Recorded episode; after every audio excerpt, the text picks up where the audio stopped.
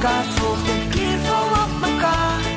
En lyk die prentjie vaag, dan sal ek wag, want tyd sal leer. En dit is nou tyd vir ons fotofabriek saam met Emil Wessels, bekende fotograaf hier in Suid-Afrika en vandag gesels ons bietjie oor die vervanging van jou kamera. Wanneer is dit tyd om op te gradeer? Emil, goeiemôre. Môre môre Derek, hoe gaan dit daar?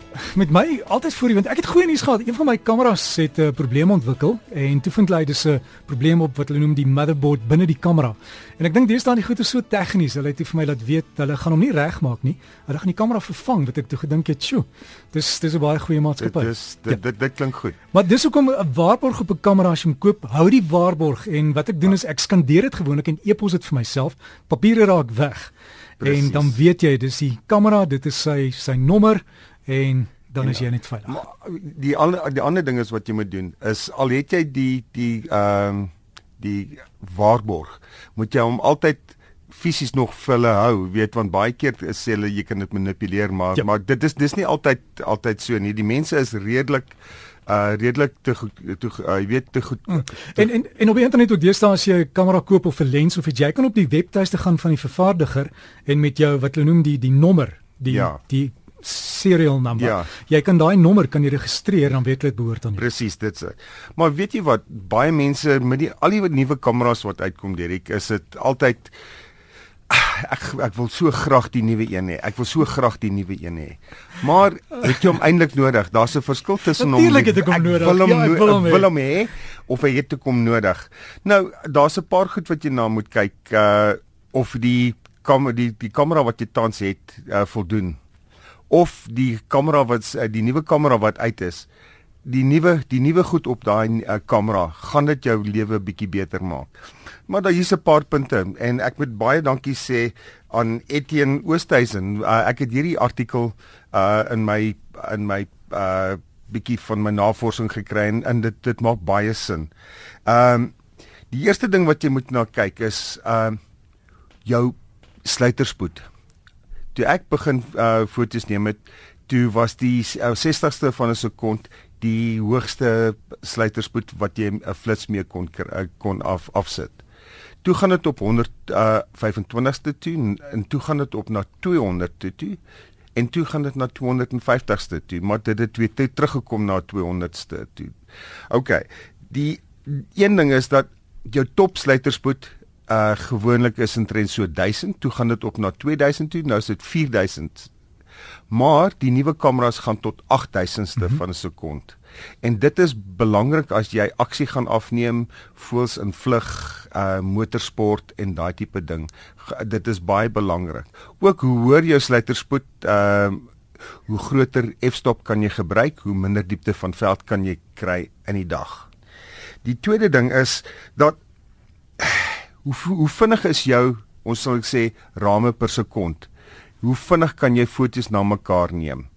Uh ons het eendag uh party uh partykeer het ons uh so 4 5 6 uh rame per sekond. Nou is daar kameras wat 10 12 uh rame per sekond 17 ek het dit 17 doen. En hy doen dit hy maak net so en dan is dit klaar dan dink jy maar dis dan dan het jy 'n um, uh, 'n verskeidenheid van van rame wat jy die aksie kan uh, uithaal en bepaal. Dis die ding. So dit is nou ietsie wat jy ook na moet kyk. Die derde ding is uh met al daai rame per sekond. Hoe vinnig verwerk jou kamera daai inligting? En die en die en die rekenaartjie in jou in jou kamera is moet redelik sterk wees om daai ding al daai inligting om te sit op jou kaart.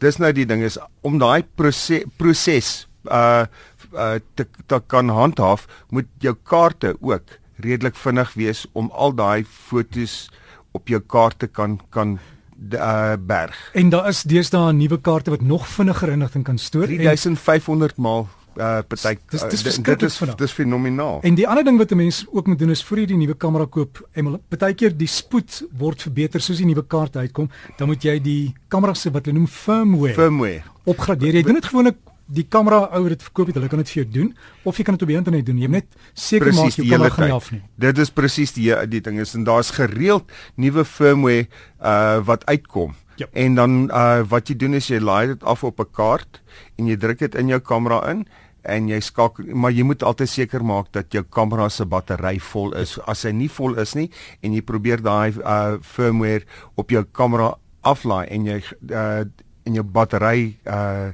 is is dood, dan gaan jy groot probleme optel. En, en maak ook seker die wat hulle noem die firmware van jou lense is op datum. Ja, hulle sal vir jou die, en dit is ja vernaamlik met die nuwe nuwe kameras, die nuwe Nikon, Canon, die Fuji kom gereeld uit met allerlei goed wat hulle verbeter.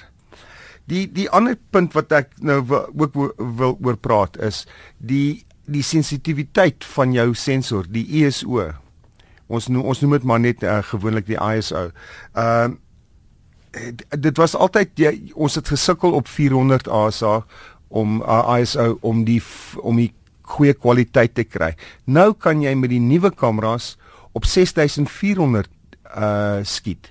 En ek weet dat ouens gereeld in die wildtuin op 2000 uh, ISO skiet want uh, jy kry baie hoë sluiterspoed. Jy kan uh voels in vlug mooi uh helder afneem dat daar geen beweging in die vlerke is nie. So dit is dis baie belangrik. So hoe hoe hoe beter jou uh sensor is op 'n hoë IS, ISO is die ding wat wat jou die skerper foto's gaan gee en en maak 'n uh, groter moontlikheid oop om ander foto's te kry. Ehm um, daar's daar's as jy jou fokuspunte deur jou kamera kyk. Party van hulle het 25, party van hulle het uh 52, party van hulle het 100. Maar dit is ook belangrik dat waar ook al jou jou uh jou uh jou subject uh in in jou raam is dat jou die sensors van jou van jou autofocus uh dit optel. En ons gebruik gewoonlik uh baie in die ou dae het hulle 'n uh, 'n uh, vertikale sensor gebruik en dan moet hy daardeur werk. Maar nou is daar kruistipe uh sensors wat baie meer effektief is. Um en hoe meer fokuspunte daar is, hoe beter is dit vir jou kamera. Um die ander ding is as jy nou in die in die in die in die veld gaan rondloop wil jy seker maak dat daar nie stof of water of goed in jou kamera is nie. En hoe goed is jou kamera verseël teen die elemente? So dit is ietsie wat jy wil nie dat jy die hele dag uh in reën gaan sit nie, maar as as dit reën, nie 'n paar druppeltjies nie dat, dat dan hens op jou kamera nie.